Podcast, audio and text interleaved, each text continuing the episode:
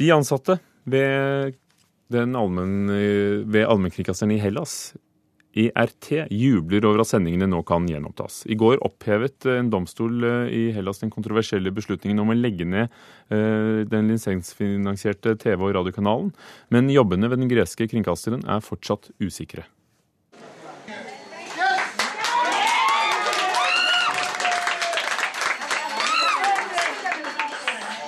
På nyhetsdesken hos Rikskringkastingen ERT brøt applausen løs da de ansatte fikk vite om domstolens beslutning om å oppheve nedleggelsen av arbeidsplassen deres i går kveld. I forrige uke bestemte statsminister Antonis Samaras å legge ned den greske versjonen av NRK for å spare penger. Beslutningen førte til store demonstrasjoner og har utløst en intern politisk krise i regjeringen. I går gikk de ansattes fagforening til domstolen for å få opphevet nedleggelsen, og der fikk de medhold. Regjeringen ble beordret til å starte opp sendingen igjen inntil et nytt nasjonalt medieråd er på plass. Nå skal sendinger av et begrenset antall programmer fortsette på ERTs frekvens. Θα τα νιώθουμε ανακούφιση. Από εκεί και πέρα έχουμε πολύ δρόμο μπροστά μας. Πρέπει να μιλήσουμε μεταξύ μας. Selvfølgelig er vi lettet, men vi har fortsatt en lang vei å gå, sier journalisten Marina Demerzian. Vi må diskutere dette med hverandre og advokatene våre for å finne ut av hva vi skal gjøre nå. Personlig ønsker jeg ikke å jobbe for et ERT som ikke har egne musikkensembler.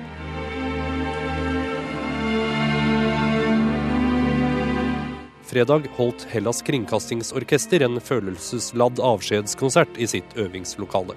For jobbene hos de ansatte hos allmennkringkasteren er fortsatt usikre, og ERTs kor og orkester er truet av nedleggelse når statskanalen gjenoppstår i en ny og slanket utgave etter sommeren. Den europeiske kringkasterunionen, EBU, har protestert kraftig mot nedleggelsen av den greske statskanalen. Generaldirektør i EBU, Ingrid Deltanre, vil bruke de neste månedene på å få greske politikere til å forstå verdien av å ha en allmennkringkaster. Hun mener beslutningen om å legge ned ERT var antidemokratisk. The way how the government decided to close down the organization it, without having any debate in parliament about the future, uh, without having even a, a debate of closing it down, this is what we say is anti-democratic. The future, that is the open question. There is since many months, I would say, there is a discussion going on about the future of public broadcasting in Greece. Um, and the remit is not yet clear. Uh, the only thing we hear is it should be smaller and it should have less money. It's not a, a discussion about the value for democracy, about social inclusion, about diversity, about universality and, and, pluralism. This is for the time being left out, and I think this is exactly what we're going to focus on in a couple of next months. Det handler eh, bare om penger, og det er overhodet ikke snakk om eh, de demokratiske verdiene, sa Ingrid Beltan, som er generaldirektør i Den europeiske kringkastingsunionen. Tommy Hansen, kommunikasjonsdirektør i NRK og NRKs kontakt nettopp med EBU, Kringkastingsunionen. Hva skjer med den greske allmennkringkasteren nå? Ja, Nå venter vi egentlig på at det skal komme tilbake igjen på lufta, og signalene har vært at det skal skje allerede i morgen. Dette har vært et høyt politisk spill i Hellas, og i ettermiddag så kom beskjeden om at eh, koalisjonspartnerne nå gir seg. Og ikke krever et eh, nyvalg som det lenge så ut til. Denne krisen har jo ført til også en, en veldig veldig sterk politisk krise internt i regjeringskoalisjonen. Og mm, betingelsen for at de nå slutter fred med Samaras og, og statsministeren, er at eh, ERT kommer på lufta i en eller annen form, eh, enten i kveld eller i morgen. Og så oppstår et restrukturert ERT, som de foreløpig omtaler det som, over sommeren i august en gang. Men ERT er jo eh, en stor stasjon. Tre TV-kanaler, mange radiokanaler, mange lokale radiokanaler. Eh, selv om de er på størrelse med NRK i et land som er langt større mm. enn Norge. Men det blir altså ikke snakk om å, å få tilbake det vanlige, fulle tilbudet? Nei, altså I første omgang så har det vært viktig, at det, kravet som har kommet fra EBU, og fra alle de av oss som har slutta oss til kravet fra EBU, har vært å komme opp med iallfall én hovedkanal på TV som inneholder bl.a. nyheter som har vært noe av det viktigste å få opp her. For det er jo nyhetsjournalistikken og dekninga som er det akutte i den politiske situasjonen som vi eh, har i Hellas nå. Um, og så var det i dette innslaget nevnt eh, f.eks. Eh, orkestrene og Ingrid Deltan, som for øvrig er her i Oslo i dag. Vi har snakka mye om dette med Deltander i dag dag. Så er det også noen oppgaver som en allmennkringkaster har, som handler om orkester, som handler om musikk, som handler om nasjonalt språk og kultur, som handler om minoriteter, som handler om tilgjengeliggjøring av innhold for folk som f.eks. har hørselsvansker eller andre typer funksjonshemninger som krever spesiell tilrettelegging. Det er et veldig kommersielt interessant, og det er helt klart en oppgave for en allmennkringkaster. Så er spørsmålet er det en regjerings privilegium å kunne stenge og omorganisere på denne måten. Hvordan ser BU det, som dette er jo en av medlemmene? Mm. Nei, Fra vårt ståsted og fra EBUs ståsted så er dette her definitivt ikke noe som kan gjøres i et regjeringsdekret. Dette er en beslut... Altså det Allmennkringkasting som idé er i og for seg en politisk beslutning. Men det er en beslutning som må tas av parlamentet, av folket.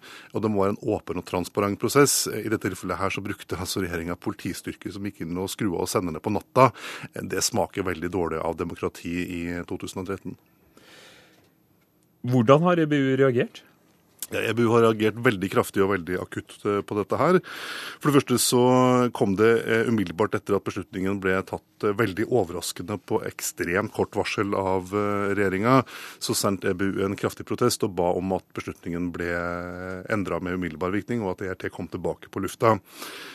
Så har EBU sammen med store EBU-medlemsland som Spania og BBC fra Storbritannia gått inn og brukt nettsidene sine, brukt sendenettet sitt for å få det som produseres av EET-innhold av journalister som nekter å gi opp, eh, på lufta, sånn at det har vært tilgjengelig for folk i Hellas. Og Sist fredag så var også EBUs president og generaldirektør i Aten og møtte finansministeren i landet bl.a. Eh, statsministeren nekta å møte dem, men framførte veldig skarpe protester og har vært eh, veldig klar og tydelig. og 54 kringkastingssjefer fra hele Europa har stått bak dette oppropet fra EBU, som er noe av den sterkeste markeringen som har vært gjort fra EBUs eh, side i en, i en sånn sak. Men vi hørte nettopp her i Kulturnytt i går eh, en stemme fra Hellas som mente at det var eneste måten å reformere, var det regjeringen gjorde, å legge ned. Hvilket motargument eh, har da EBU da?